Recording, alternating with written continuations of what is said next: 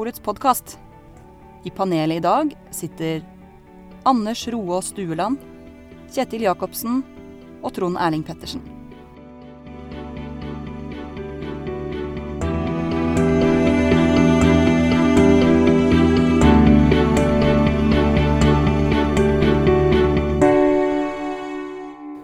Bryllupsspesial. Ding dong! Når klokkene ringer for deg. ja, det var det bra. Hjertelig velkommen til Vinmonopolets podkast Bryllupsspesial.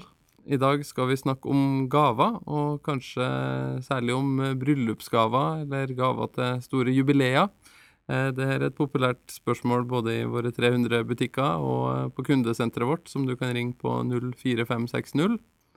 Um, og det mange spør om, er um, hva kan jeg gi i bryllupsgave, f.eks. til et brudepar der jeg vil at de skal få ei kasse vin eller noen flasker vin som de kan oppbevare i flere år, og så kan de feire bryllupsdagen ved å åpne en flaske vin eh, på sin ettårs bryllupsdag, to år, tre år, fire år, fem år, kanskje til med fem og ti og 15 og 20 års bryllupsdag, hvis de holder ut så lenge.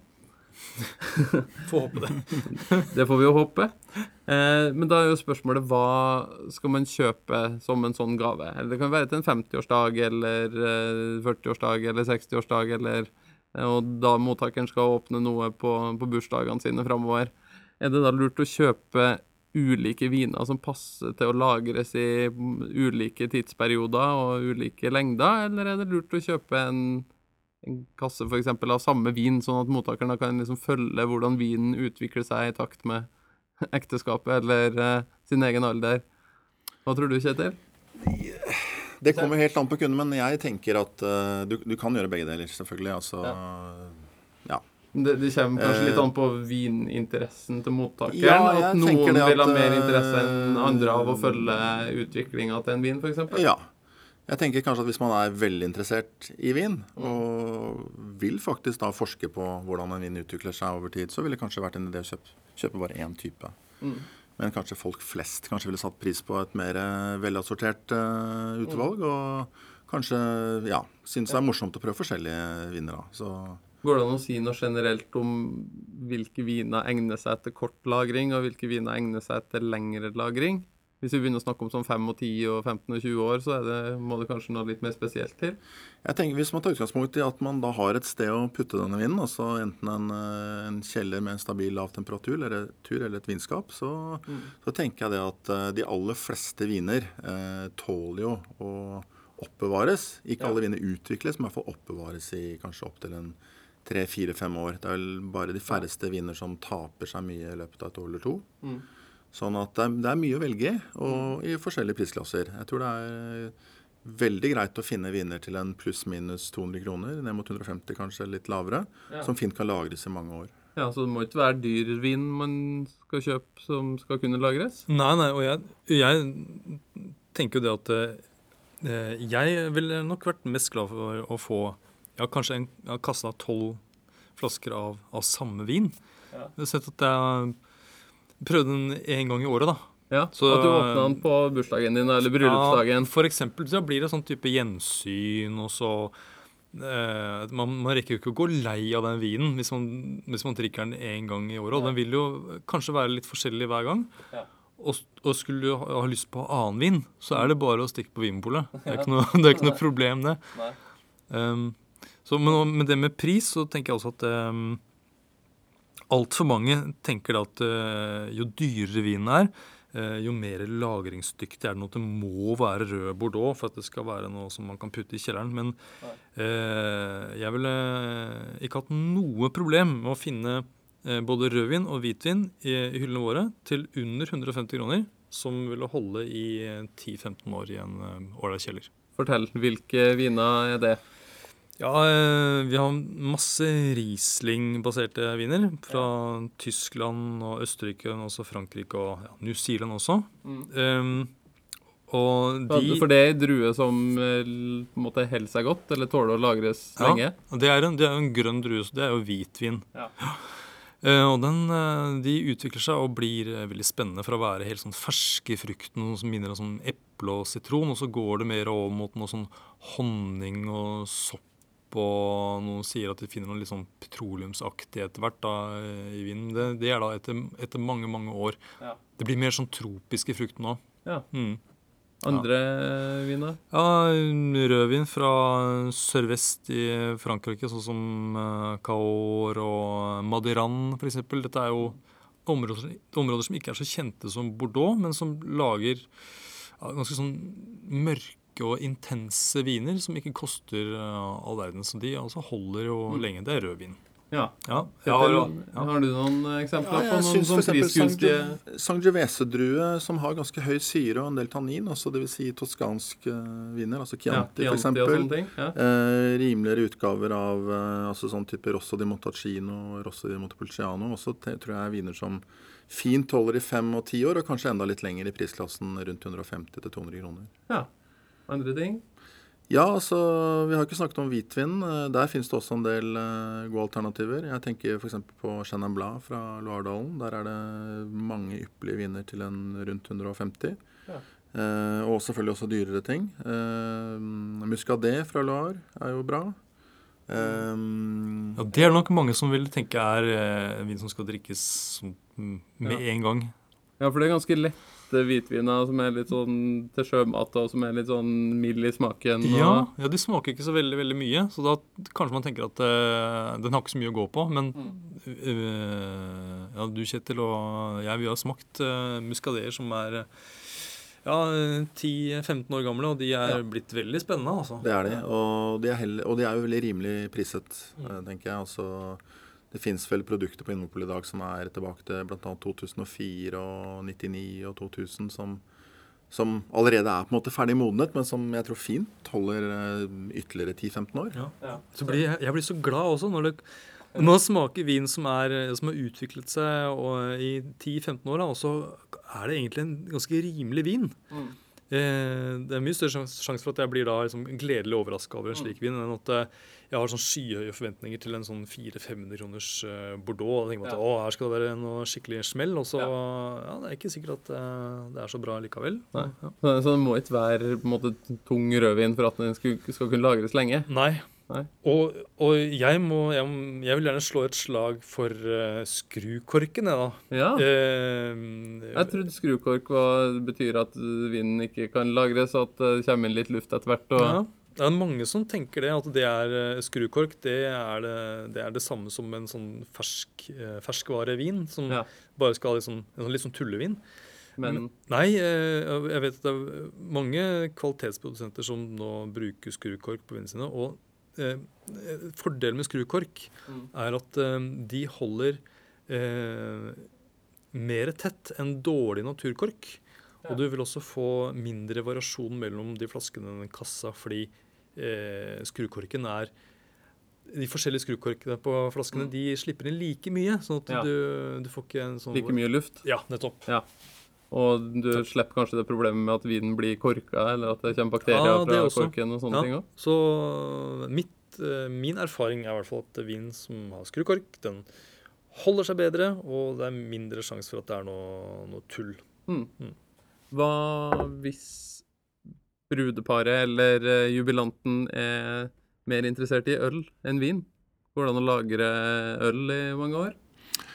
Ja, det er jo noen typer som egner seg veldig godt for lagring. Ja, hvilke det? Um, altså, Generelt kan man vel si at eh, øl som har ganske høy syrlighet, eh, høy konsentrasjon eh, og ganske mye alkohol, er de som egner seg aller best for lagring. Og, Ja, Hvilke øl er det, da? Nei, Det er jo spesielt en del mørkere øltyper. type porter, stout eller imperial stout, eh, den typen ting, som Mm. holder veldig lenge. Kan, Men så- man, kan man lagre juleøl? Går det an å gi øl i julegave? Sånn at man kan åpne eh, liksom på julaften mange år Ja. etter hverandre? Ja, Og det er det jo mange som gjør også. De kjøper en kasse, og så ja, hvert, et, hvert år, og så drikker de noe av det, og så har de stående mange år framover. Og personlig har jeg smakt juleøl som har vært både to og tre år gamle, som har vært eh, vel så bra som da de kom på markedet første året. Så Ja, jeg har smakt enda eldre juler også, sånn eh, ti år gammelt. Og det, det er klart, og det er viktig også når det gjelder vin, at eh, legger du en vin for lagring i, i ti år, så, Ja. så må du ikke forvente deg at den vinen smaker det samme om Nei, ti år. Det, Hva skjer med vinen, da? nei, det, det blir jo som eh, Altså Det blir mer sånn tørka frukt. Du mister en, mister en del frukt, og det kommer mer hva skal jeg si, noe sånn lær og sopp og nøtter og krydder og Ja. slike ting. da. Litt mer sånn jordlige Ja. aroma, på en måte. Og, og øl også vil, ville, endre seg. Og jeg vil si at når skal du lagre øl, så eh, ikke ta et øl som har mye preg av, eh, av humle i aromaen.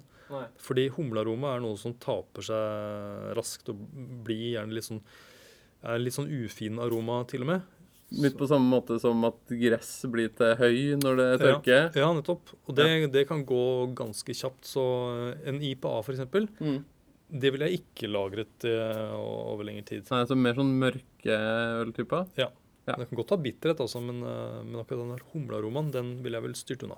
Eh, Kjetil? Ja, vi har ikke nevnt uh, dette belgiske spontangjærede ølet Lambic, eller Gøs, som det også Ja. går under. Su surøl. Surøl, rett og slett. Uh, veldig høy syrlighet, uh, lav pH. Dette er jo øl som Og spesielt på litt større flasker, type Magnum-flasker, Mm. så kan de jo lagres i 20-30 år. Ja. Så det er jo en sånn helt spesiell kategori hvis man ønsker å virkelig teste noe gammelt øl. da. Ja, det er jo perfekt for uh, å gi til et sånt hipster-brudepar som har tenkt til å holde sammen i 30 år, så er det, er det bare å kjøre på med Noen gøss. store flasker med gøse. Ja. Hva med sånn type musserende vin som mange er glad i, eller litt sånn søte Ah. viner og portvin og sånne ting? Kan det lagres? Musserende vin. Mye musserende vin som eh, egner seg for lagring, men der vil jeg si at eh, hold, Prosecco? Hold, hold nei, hold dere til, eh, til eh, musserende vin som er uh, annengangsgjæret på flaske. Altså Oi. det som kalles for champagnemetode. Ja. Prosecco, som du, som du sier, den, den, den lages på en annen måte. Mm. Og den har en fruktighet som ikke holder så veldig lenge, er min erfaring. Så en Prosecco holder kanskje ett eller to år, og så er det kanskje ikke så mye av de gode tingene igjen. Også, ja. Mm. Men champagne og cava og cremant og sånne ting er laga på samme metode og Ja.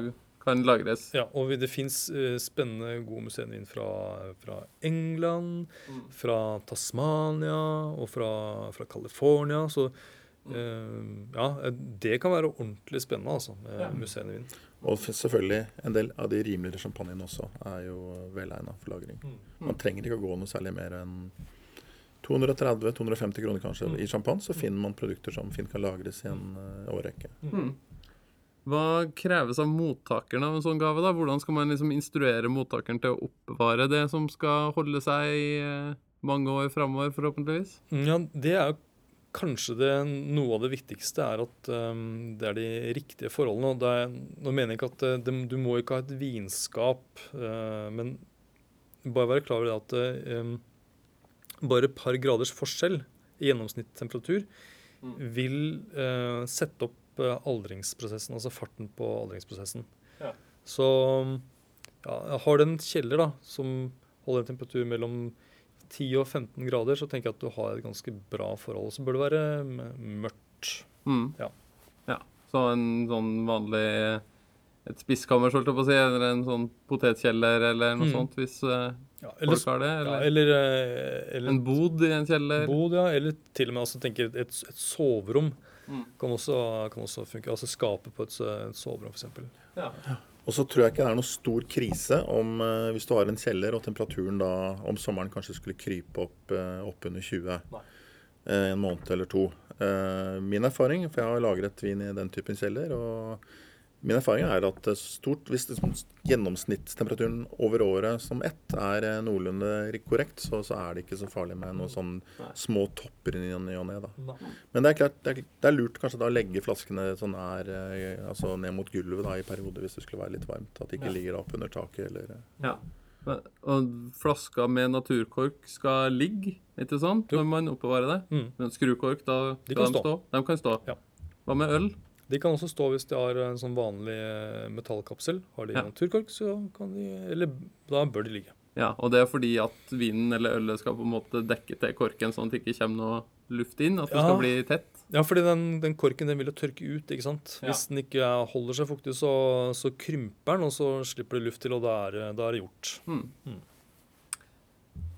Eh, og så kan vi jo avslutte med å si at hvis du trenger noe mer eh, informasjon, eh, tips om lagring, eller tips til hvilke matretter du kan servere på din femårs bryllupsdag når du har spart på ei god flaske champagne f.eks., så kan du bare spørre på din nærmeste Vinmonopolet-butikk, eller ring kundesenteret vårt på 04560.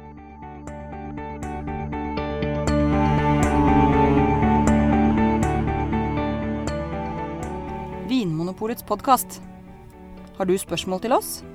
Send e-post til varefaglig krøllalfa vinmonopolet.no.